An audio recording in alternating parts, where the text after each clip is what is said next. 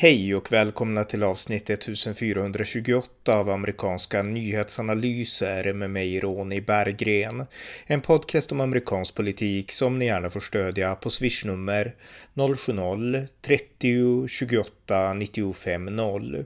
Här följer en uppdatering om det senaste i USA tillsammans med min kollega Björn Nordström. Varmt välkomna! Björn Nordström, välkommen! Tack så mycket! Eh, vi ska uppdatera lite om det senaste som hänt i USA och jag tänkte börja med att säga att det är Veterans Day i USA idag, när man kommer ihåg krigsveteraner, både levande och döda krigsveteraner. Och eh, Joe Biden, presidenten, han har talat på Arlington National Cemetery i Washington DC tror jag, eller det ligger i Virginia, men jag tror att det är i Washington DC i alla fall. Arlington är det väl? Just det, just det, ja precis. Eh, Virginia. Ja, okej. Okay. Eh, uppmärksammas det i Arizona på något sätt? I, ja, i media gör ju det naturligtvis och det uppmärksammas ju i media. Arizona är ju generellt mer eh, konservativt och republikanskt. Det är väldigt många, de har ju stora militärbaser här och det är väldigt många som bor här som är veteraner så att det, det får mycket uppmärksamhet här, absolut. Mm, just det. Ja, har du något att berätta? Ja, men vi kan ju börja med lite galenskap i vanlig ordning det, här, eh, det blir mer och mer diskriminering mot vita här i USA. Till exempel ett stort företag, ett sånt här investeringsbolag som heter State Street Global tror jag. Och det är här, de investerar väl pengar vad jag förstår. De i alla fall nu får inte anställa vita, vita män, utan de, får, de, de måste anställa bara icke-vita män om det är en vit man som ska anställas så måste företaget, det är väl, det är väl den här board of directors då förmodar jag, så äh, måste ge specialtillstånd. Som andra ord, man diskriminerar vita män och det verkar vara helt okej. Okay. Och det är det som är så konstigt. va. Nu är det ju intressant också, det, det kan ju hamna i, i, vad ska man säga, i domstolar. Det blir alltid så, det hamnar ju alltid i domstolar här. Så det ska bli intressant att se hur domstolar kommer att börja se på det här, att man öppet går ut och säger att vita män är inte önskvärda på det här företaget, så ni, vi anställer er inte. Vad heter, vad heter företaget igen? Uh, det heter uh, State Street Global Advisors. Okej. Okay. I alla fall. Men, men, men, men, poängen här är ju det att det är mer och mer och mer öppen, vad ska man säga, rasism och sexism mot, mot vita män. Det, det är liksom inget mm. snack om det, va? Ja, ja, det är helt, helt otroligt. Ja, just det. Ja.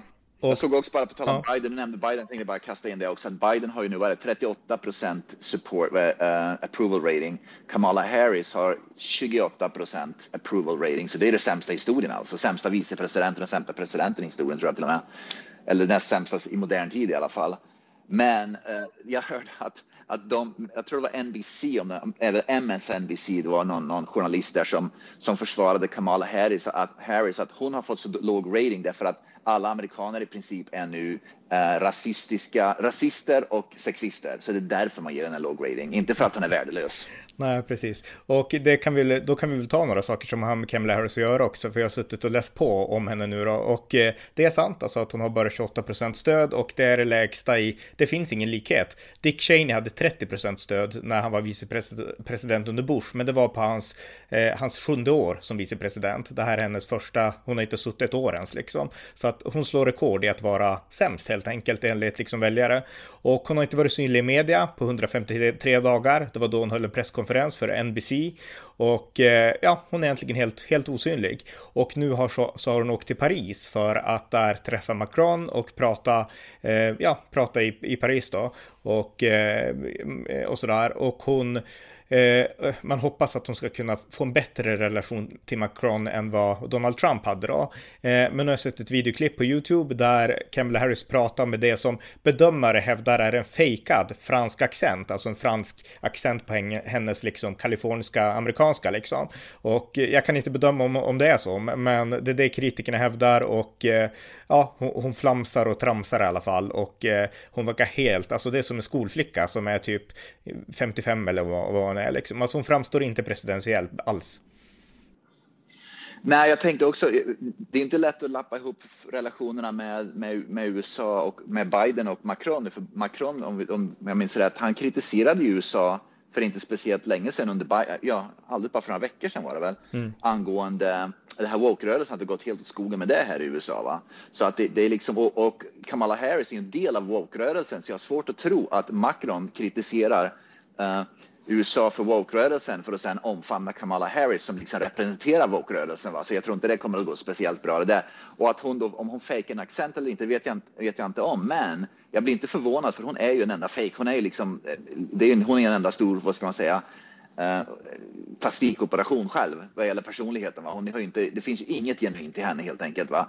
Och det är väl det många amerikaner har upptäckt nu. Under, jag menar, det var ju du, du jag pratade om det under valrörelsen och tidigare med, va? Att, att hon är ju en enda stor fake alltså. Men, mm. men jag tror att folk röstar ju på henne för att de vill ha in en svart kvinna ungefär utan att begripa att de egentligen får in en total fake som är helt värdelös. Fullständigt inkompetent. Ja, verkligen. Eh, på tal om VOK-rörelsen och ras och allt sånt här så vill transportminister Pete Buttigieg, han vill stoppa rasistiska motorvägar. Det är så här att Joe Biden ja. har ju fått igenom sin, sin eh, infrastrukturlag och det är ju en stor grej för Biden, det är inget snack om det, det är en framgång för hans administration då. Men då vill Pete Buttigieg, som är transportminister, avsätta 1,2 biljoner dollar. Eh, eller en del av den här eh, bilden då, för att, för att kunna eh, ja, förändra rasistiska motorvägar. Och det här är ju såklart en lite hyperbolisk rubrik, men det är ändå liksom att man ens pratar i de termerna, det är helt galet. Därför att jag menar, det han vill då, det, det han menar är att för 80-90 år sedan, då byggdes det motorvägar som var missgynnsamma mot liksom fattiga områden som på den tiden bestod av svarta utan tvekan då liksom. Och det vill han ändra idag. Men liksom att prata om det i den här tiden av bokkultur, att nu vill vi avsätta pengar pengar för att bekämpa rasistiska motorvägar. Alltså, det kan inte bli mer symboliskt korkat, kan, kan jag tycka. Ja, precis. Jag tror siffran är 100 miljarder dollar vill han avsätta just, för det. Jag kan, ge ett par konkret, jag kan ge ett par konkreta exempel här. Till exempel så är vissa broar, man byggde ju, många av broarna nu som håller på att rasa ihop, de är ju 75-100 år gamla typ, så här, det är många gamla broar och då byggde man dem ju lägre, för fordon var ju då lägre på, på den tiden. När det var, men nu har man ju kommit hittat på med, Pete Buttigieg har ju själv gått ut och sagt bara för ett par dagar sedan alltså, att broarna man byggde för 75-100 år sedan byggde man man byggde dem inte lägre bara för att fordonen var lägre på den tiden. Man byggde dem lägre enbart för att stoppa minoriteter för att kunna ta sig under broarna när de till exempel skulle åka buss i framtiden. Med andra ord, man byggde en bro för 75 år sedan för att, för att stoppa människor från Puerto Rico i New York idag, 75 år senare, för att kunna åka en buss som inte kommer under bron helt enkelt. Det var liksom så, det är så han resonerar. Det är fullständigt galet. Va? Ja. Istället för att konstatera att, att när man byggde broar för 75 år sedan så var det liksom inte, då var liksom bara fordonen lägre. Då bara tänkte man inte på, på sånt och bara blev det ju så. Va? Därför att man anpassade dem till fordonen på den tiden. Va? Mm. Och nu får man ju tänka på ett annat sätt. Och jag minns jag nämnde det här i någon podd för, för något år sedan eller två. I, i Vermont, jag då bodde förut då, där har man ju då, där hoppar ju direkt de här äh, vänsterliberalerna på den här idén att då Pete Buttigieg hade ju rätt att man har ju byggt rasistiska vägar därför att tydligen så vägarna i, i största staden i Vermont heter ju Burlington då och där tydligen så var det väg, det var något fel på vägen. Jag har aldrig själv fattat, för jag har till och med åkt och tittat på vägarna där för att se vad, vad, vad de menar. Jag har aldrig fattat hur de är rasistiska. Va?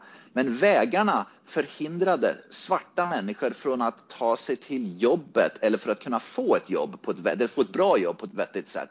Med andra ord, det var något fel på vägen. Är man vit så går det utmärkt att åka på de vägarna och ta sig till jobbet eller skaffa ett jobb eller vad det nu är. Va? Men är man svart så är det samma vägar är inte anpassade för svarta på samma sätt. Och jag begrep aldrig vad det betydde därför att vägarna är exakt de samma. Va?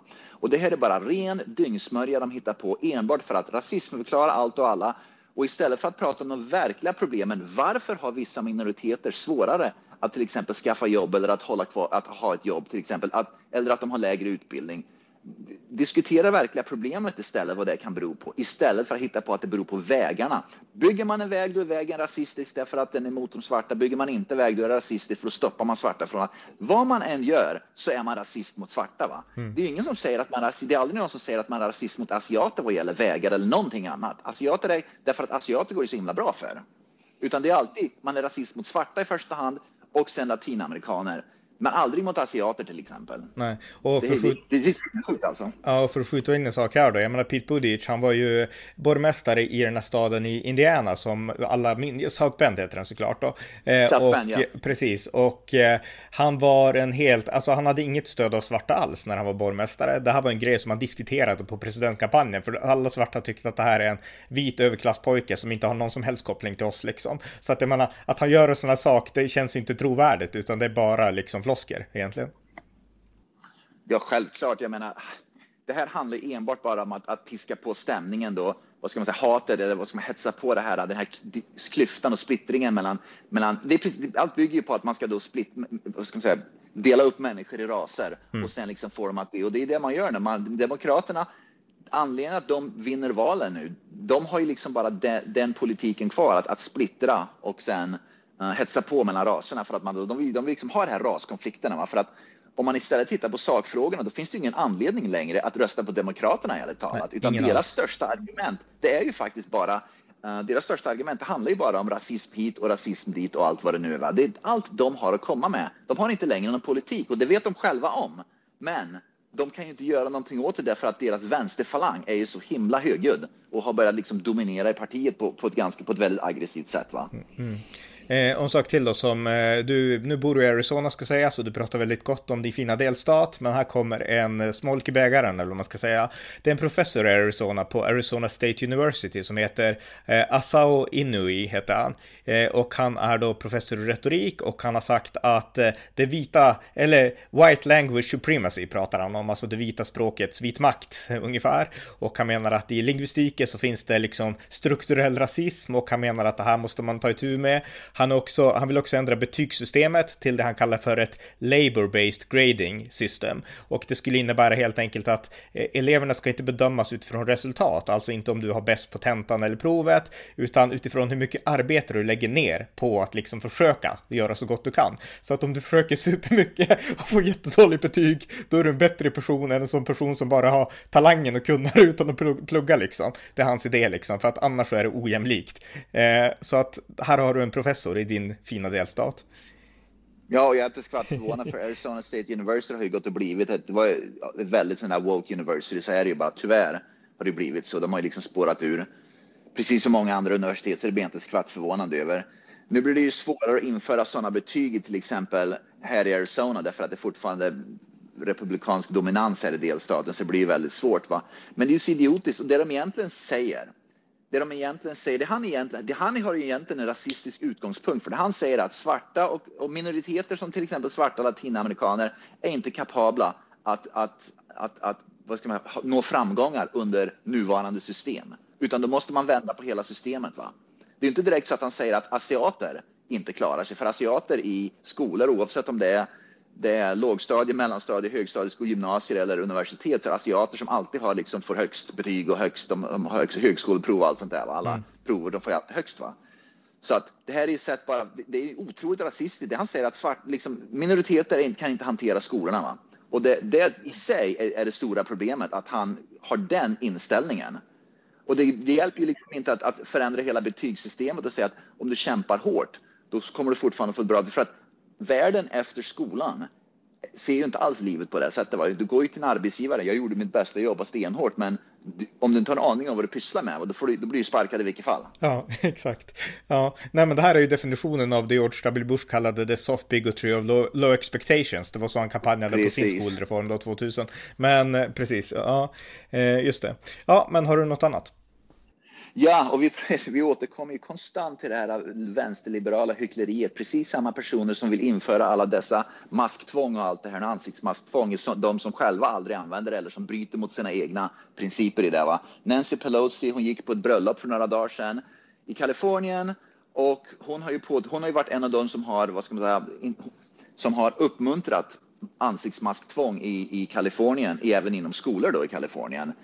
Eh, så i, i många ställen i Kalifornien måste man bära ansiktsmasker, men Nancy Pelosi själv under ett bröllop bar inte ansiktsmasker. Det visar ju det här typiska hyckleriet. Den andra personen är ju, uh, vad heter det, New Yorks guvernör, Hochul eller vad nu heter, mm. Hoch, uh, efternamn. Hon i alla fall gick på Broadway, på Broadway ja. musikal då för ja. några dagar sedan. Och, och hon är de som också, hon är en sån som har, som har tryckt på att i New York måste man bära ansiktsmask precis överallt, men självklart när hon själv gick på Broadway så togs det bilder med henne helt utan ansiktsmask när hon stod nära en massa andra människor och liksom kramade om dem och höll på. Va? Så att man, man påtvingar andra människor sånt som man själv vägrar följa själv och det är det jäkla hyckleriet. Och jag tror fler och fler börjar se det där. Det är därför att man ser liksom på Även där det är ansiktsmasktvång så ser man ju människor som inte ens bär det eller man liksom har ansiktsmaskerna neddragna vid halsen istället över munnen och näsan och sånt där. Att folk orkar inte med det för att det, folk inser att det är så mycket hyckleri så man liksom skiter i det bara helt enkelt. Man liksom, man, ja, man bryr sig inte om de här tvången längre. Eller man, Nej, ja. precis. Och på tal om tvången så är det så här att eh, Bidens vaccinationsmandat som ska träda i kraft nästa år som handlar om att vi har pratat om det förut om att eh, företag med mer än 100 anställda då måste de anställda vaccinera sig. Nu har tio delstater under ledning av Missouri och Missouris Attorney General, General Eric Schmidt eh, och eh, Nebraskas Attorney General. De har eh, stämt eh, Biden-administrationen nu för det här så att det här kommer ju bli en domstolsfråga. Det vi diskuterade i vår förra podd. Men tio delstater har nu stämt Biden-administrationen för de här vaccinationerna vaccinationsmandaten. Ja, vi, vi nämnde ju det att, att den här Fifth Circuit Court i New Orleans, Louisiana har ju redan pausat det, där mandatet. Det. Mm. Ja, precis, precis. Så det, det, är redan uppe i domstolssystemet. Va? Det kommer ju hamna i HD, det är inget snack om det. Va? Men att det, det delstater gör att allt fler, det var Texas tror jag drog igång det där, men det är allt fler delstater som hoppar på det där nu, liksom, vad ska man säga, uh, också börjar slänga in domstols, eh, vad ska man säga, stämningar helt enkelt. Va? Så att det här kommer ju hamna så, det är inget snack om det, va? det är bara en tidsfråga. Mm. Eh, en annan sak som också varit inne på lite i en tidigare podd, men det är värt att nämna, det är att USA påverkas verkligen nu av en inflation. Alltså att priserna höjs på grund av att eh, ja, värdet på, på, på varor och sånt här förändras. Och eh, den här inflationen undergräver, det är ändå så här att pri, eh, lönerna ökar i USA just nu, men det undergrävs av inflationen så att det blir liksom ingen reell eh, löneökning alls alls. Och det här bedömer många är den första riktigt gigantiska inflation som hotar USA ända sedan 70-talet när Jimmy Carter var president. Och eh, är det här något du märker av ute i affärerna? Vi har pratat om det förut lite grann i anledning med den här liksom de här stoppen i handelskedjorna och så, men, men, men i alla fall. Absolut, det, det märker man absolut. Jag menar, bensinpriserna. För en månad sedan så kostade en, en, en gallon, vilket är 3,75 liter av vad det nu är, uh, det kostar väl kanske knappt ungefär 3 dollar. Nu är det uppe i 3 dollar och 70 cent, så det har gått upp då, uh, ja, 6-7 kronor på en gallon, så det var det två spänn lite mer eller något sånt där. Så man märker absolut, maten i affären går ju upp. Jag menar, man, det, man ser överallt priserna går upp konstant. Jag tror att i oktober, för, från, jag läste det tidigare i morse, oktober 2020 till fram till oktober 2021, under det senaste året har, har inflationen varit 6 procent, vilket är väldigt, väldigt högt. Och man räknar med att det kommer att vara lika högt igen. Va? Så att Uh, och, och, Biden, många vill ju nog att, att, Biden ska gå in och försöka göra någonting till exempel till bensinpriserna, men han har ju han kan inte göra speciellt mycket, för mycket av det som går att göra, det går rakt emot, vad ska man säga, Bidens agenda, hans politiska agenda och det går rakt emot vänsterns agenda. Va? Så att han, har ju, han kan inte påverka det här.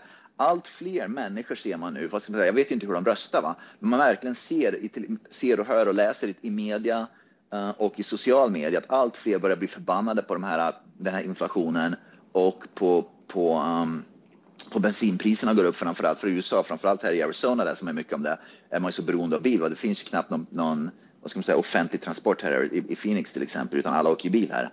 Men i alla fall, man verkligen börjar se att folk börjar bli förbannade. Va? Men min tanke är ju så här, det är precis det här som ni i Arizona röstade fram. Så ni i Arizona är helt beroende av bilar, men samtidigt så röstar ni faktiskt ni fram Biden som president i den här delstaten. Va? Så nu har ni liksom fått, fått det ni ville. Nu ser ni konsekvenserna av det ni röstade på. Förhoppningsvis 2022 kommer det att förändras och jag tror att det är det som jag tror vi kommer att se att, att Arizona kommer inte att, att acceptera.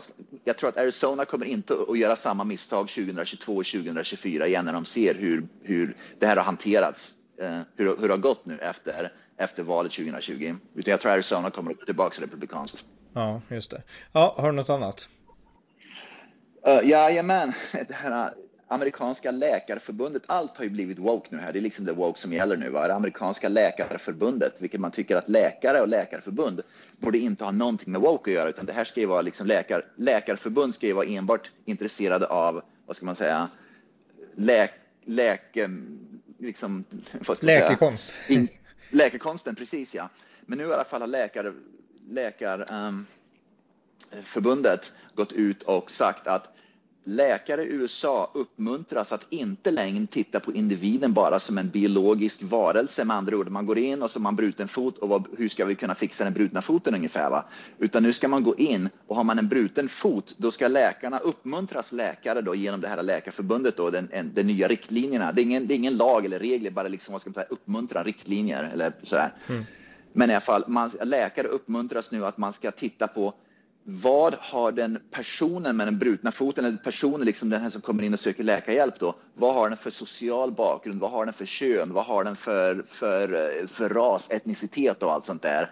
Och sen avgöra vilken typ av behandling den ska ha. Så att om, om det är en svart person som kommer in med en bruten fot, då ska man titta på ett annorlunda sätt. Och då då kanske den brutna foten beror på rasism och inte på att den trillade och slog sig. Typ sådär va. Helt vansinnigt. Det är fullständigt vansinnigt. Läkare som är, arbetar ute i vad ska man säga, sjukhus och privatkliniker och allting, de kommer ju skita i sånt där, det vet jag ju. Men så, så de, de, de struntar i sånt där, för de, de gör ju sitt jobb. Men att förbundet i sig som överser liksom läkarkåren då går ut med sånt här trams, det är fullständigt liksom bisarrt alltså. Ja, och då finns ju risken att liksom fattiga vita som inte har råd med privat sjukförsäkring utan måste gå till de här så, liksom statliga som ändå finns, hälsokliniker, du kan det bättre ja, men, men liksom som fattiga vita helt enkelt, krigsveteraner från Vietnamtiden, alltså att de kan bli åsidosatta för en liksom, ja, lite yngre svart man kanske, till exempel.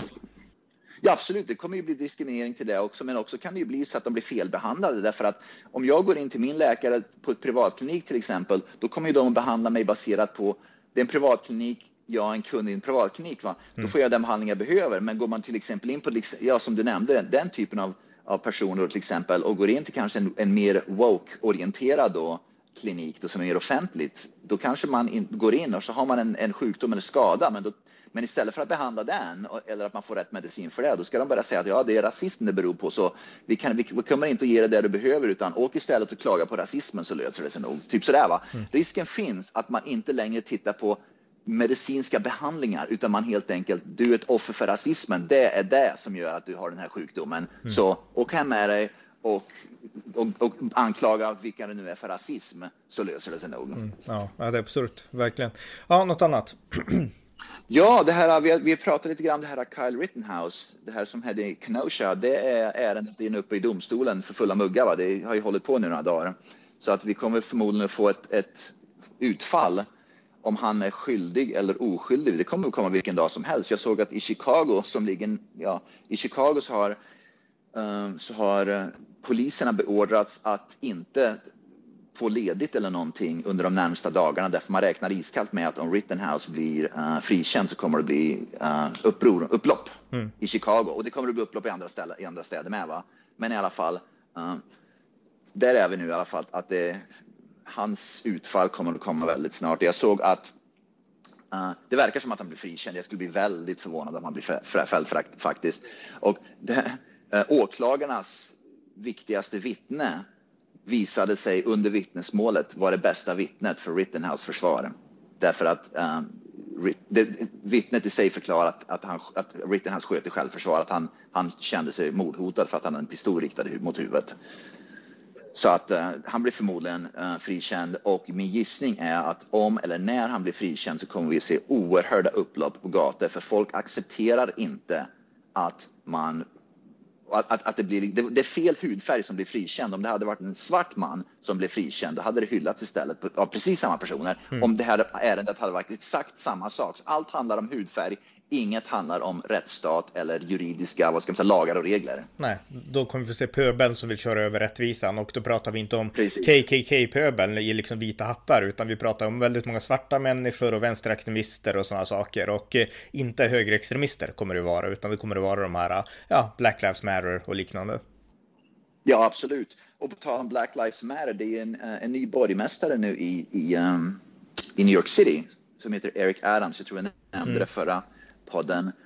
Och han har i alla fall beslutat nu att han vill införskaffa, eh, Bill de Blasio som då var borgmästare förut, han har ju lagt ner, han la ner eh, vissa förebyggande polismyndigheter, liksom polisgrupper då som skulle förebygga brott och undersöka vissa typer av brott. De blev nedlagda. Va? Det var ju det här defund the police, de, de la ju ner. Men Eric Adams vill nu återupprätta, återupprätta dem så att liksom polis, han vill i princip ha fler poliser på gatorna, fler poliser som arbetar med förebyggande insatser och även då fler poliser som, som utreder brott. Så Black Lives Matter i New York har nu gått ut och sagt att, för de är skitförbaskade på det här, att, att, det ska, att, att Eric Adams då vill ha mer trygghet och, och mindre brott på gatorna. Va? Så Black Lives Matter i New York nu har gått ut och sagt att om du börjar ha mer polisnärvaro på gatorna i New York så kommer vi, Black Lives Matter, då att göra ett blodigt, de använder speciellt blodigt upplopp. Det kommer att, liksom, blod kommer att rinna på gator och torg då om ni gör det här. Med andra ord, Black Lives Matter går ut nu och hotar med att de ska börja liksom blodigt upplopp mm. om en borgmästare då vill göra New York Citys gator säkrare. Och vi ska bara nämna att, York, att Eric Adams, då, den nya borgmästaren, är svart. Exakt. ja, det är så ironiskt. Alltså, alltså det, ja, det säger allt om Black Lives Matter och hela den här vok och raskritiska rörelsen. Alltså, den här måste, den måste stoppas och USA måste bli amerikanskt igen. Det här bevisar ju lite grann att de här grupperna, ja men det, det var vi inne på förut, det här är ju liksom, de lever och frodas i liksom the soft bigotry och low, low expectations. Alltså de, de tror inte att de kan komma in i det så kallade vita amerikanska samhället och de vill det inte heller ens, utan det är liksom, ja, de är marxister, de vill inte ens vara amerikaner, de vill inte liksom foga sig under konstitutionen eller under de här idéerna som har byggt USA, utan i deras värld för USA bara en rasistisk stat och det är, vi ska ha något mycket bättre, någon slags rasmarxistisk utopi helt enkelt. Så att de här, är, de är galningar helt enkelt och de är, de är illojala helt enkelt mot de amerikanska författningsidealen skulle jag säga. Ja, inte bara det, de är livsfarliga på gator och torg för vanliga människor, men det är det, det stora problemet. Va? De är ju beredda att, att slå ihjäl människor på gator och torg, bokstavligen, det är det de gör, va? Mm. för att uppnå sina krav. Det är inte direkt att det är en, en fredlig rörelse som då, vad ska man säga, protesterar via via medel inom... Eller så akademisk rörelse, nej det är det ju inte. Nej, nej, nej. Precis, inom yttrandefriheten, om de skriver artiklar och, och, och, lägger ut grejer på sociala medier. Utan det här är människor som går ut i, i, i stora grupper va? och börjar mm. dunka ner folk och slå ihjäl folk på gator och torg. Och det är ju någonting som jag, som jag hoppas nu att den här, i New York till exempel, att Eric Adams då börjar ta tur med. Uh, och det är som en bra, är inte, det här är ju otroligt, det är fruktansvärt att man behöver överhuvudtaget tänka så här va. Men det är bra att han är svart därför att ingen kan ju då i alla fall säga att du är rasist. Exakt. Det är gapar och skriket va. Men det är fruktansvärt att man måste liksom börja tänka så att det är bra att det, det är bättre att det är en, en svart borgmästare i New York än en vit. Man, man börjar fundera själv vilken hudfärg som är bäst att ha som borgmästare. Va? För att han kan, han kan ta tuffare tag utan att bli anklagad för rasism och sånt där. Va? Men det, det är så det amerikanska samhället, det är så långt det har kommit. Va? Och det börjar man ju se i Sverige med det här. Va? Att det är liksom, det, Sverige kommer ju hamna där med, att till sist att man måste ha svarta eller araber som är då poliser för att ta hand om andra svarta araber därför att vita liksom annars bara blir anklagade för rasism. Ja, verkligen. Och förresten, alltså på tal om det, jag måste göra reklam för en bok som jag håller på att läsa nu och det här är en bok som heter The, The Death of the West, alltså västvärldens död. Och den skrevs år 2002 av Patrick G. Buchanan, alltså den här äh, paleokonservativa eh, politikern. Han är ju till åren kommen nu, men han kandiderade i presidentvalet år 2000 och han är jättekänd. Det finns väldigt många paleokonservativa. Och han har skrivit en bok då, år 2002 som heter The Death of the West. Och där pratar han om exakt de här sakerna. Alltså nu kommer det att komma minoriteter som inte tror på USA och och de tar över mer och mer. Och det är inte, han säger inte så för att han är rasist, utan för han konstaterar bara att det är USA som väldigt många av hans generation då som växte upp på 60-talet, han är ju lite äldre, eh, det är USA på väg bort. Och det är USA demoniseras av de här som växer upp nu, de menar att de var intoleranta, att de var rasister och de ser inte allt det goda med det här samhället som jag och många i min generation skriver han och växte upp i. Och eh, de gör förenklingar och nu kommer det, nu är det ett skifte i amerikansk kultur som är livsfarligt och som undergräver våran liksom djupaste amerikanska identitet, säger han. Och eh, han har helt rätt. Jag läser den här boken nu som ändå är typ snart 20 år gammal och eh, det är klockrent och ännu mer tydligt idag då än när han skrev den för 20 år sedan. Men han varnar för exakt det här att de här olika minoriteterna som kommer nu, vi är inte rasister amerikanerna, men de tror inte på de amerikanska idealen. Det är det han konstaterar och det är det som är problemet. Inte att de har andra hudfärger eller liknande, men när vi tar emot många immigranter från Afrika, det var väldigt nytt för 20 år sedan i USA. Han sa att så här var det inte på 60-talet i USA och det är inget fel på de här människorna, men de tror inte på USA som vi gör liksom. Och han konstaterade att det är ett problem. Eh, och, ja, han, han, har helt rätt i den boken.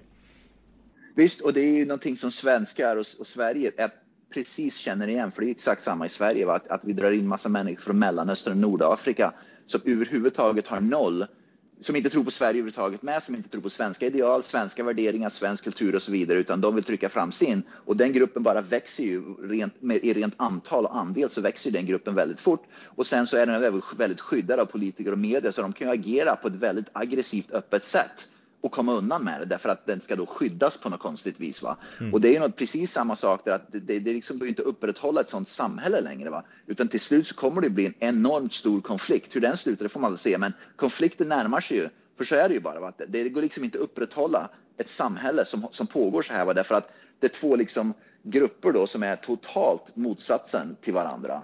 Och jag förstår inte själv de som kommer här till USA, liksom de, de som till exempel Black Lives Matter. Vilket land skulle vara bättre? Eller vilken, eh, västvärlden förkastar de ju helt. Va? Så vart är det bättre? De, de förklarar aldrig vart det är bättre. Det är bara att USA hit, USA, det är så dåligt, det är så fruktansvärt vidrigt, rasism. Men de säger ju aldrig att Venezuela är bättre, Kuba är bättre. De säger aldrig vad som är bättre, Nej. utan de vill bara krossa USA som det är men aldrig liksom förklara vad är vårt ideal egentligen. Nej, För men... det är ju inte Nej, nej, men jag, det, det, har jag aldrig lyckats förstå. Nej, exakt. Nej, men jag skulle säga att de här, de här är ju liksom, alltså utan att vara för drastisk, men alltså de är psykiskt störda väldigt många. Alltså de har en destruktivitet, ett mörker i sig som gör att de bara liksom, de vill riva ner. Det är det de är intresserade av. De är inte intresserade av att bygga upp eller inkludera eller nu ska vi skapa det goda samhället, utan de är som de revolutionära marxisterna var, eller som talibanerna i Afghanistan. Alltså, man vill riva ner samhällen. Det är det man brinner för, det är det man drivs av. Man vill liksom driva en revolution, störta det onda, oavsett om det kapitalet eller patriarkatet eller liksom,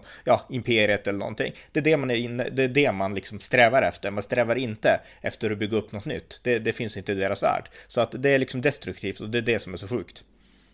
Ja, tack och lov så tror jag vi har pratat om det här också förut, är att, att allt fler amerikaner upptäcker det här. För man, märker, mm. man börjar se att debatten börjar faktiskt vända. Det är allt fler som börjar bli emot uh, det här och mer öppet. Så att jag tror att och ju mer folk blir emot det, desto mer desperata blir den där gruppen då.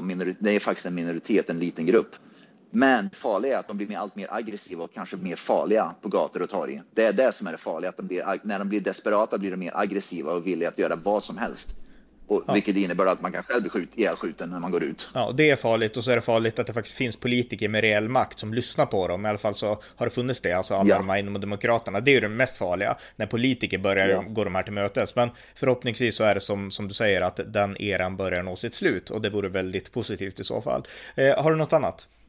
Nej, jag tänkte bara säga att vi såg det i Virginia, vi har sett det i flera delstater, även på lokalnivå i flera delstater, att folk röstar bort det där. Att, man, mm. att, att Demokraterna upplevde ganska, ett ganska taskigt val nu faktiskt. Det ska bli intressant nästa års val i, i 2022 att se. Och min mm. gissning är att, att Demokraterna kommer att få ett taskigt val då med. Och det om något kommer att bekräfta att folk har fått nog av de här galenskaperna och vill se helt enkelt andra, att USA ska gå åt ett annat håll än det Demokraterna och woke-rörelsen vill. Mm, precis. Ja, jag har inget mer. Har du något mer? Nej. Ja, men okej. Men tack så mycket. Tack så mycket.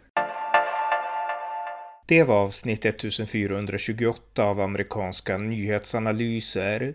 En podcast om amerikansk politik ur det konservativa perspektiv som inte ges i Sverige. Stöd gärna podden på swishnummer 070-30 28 95 0.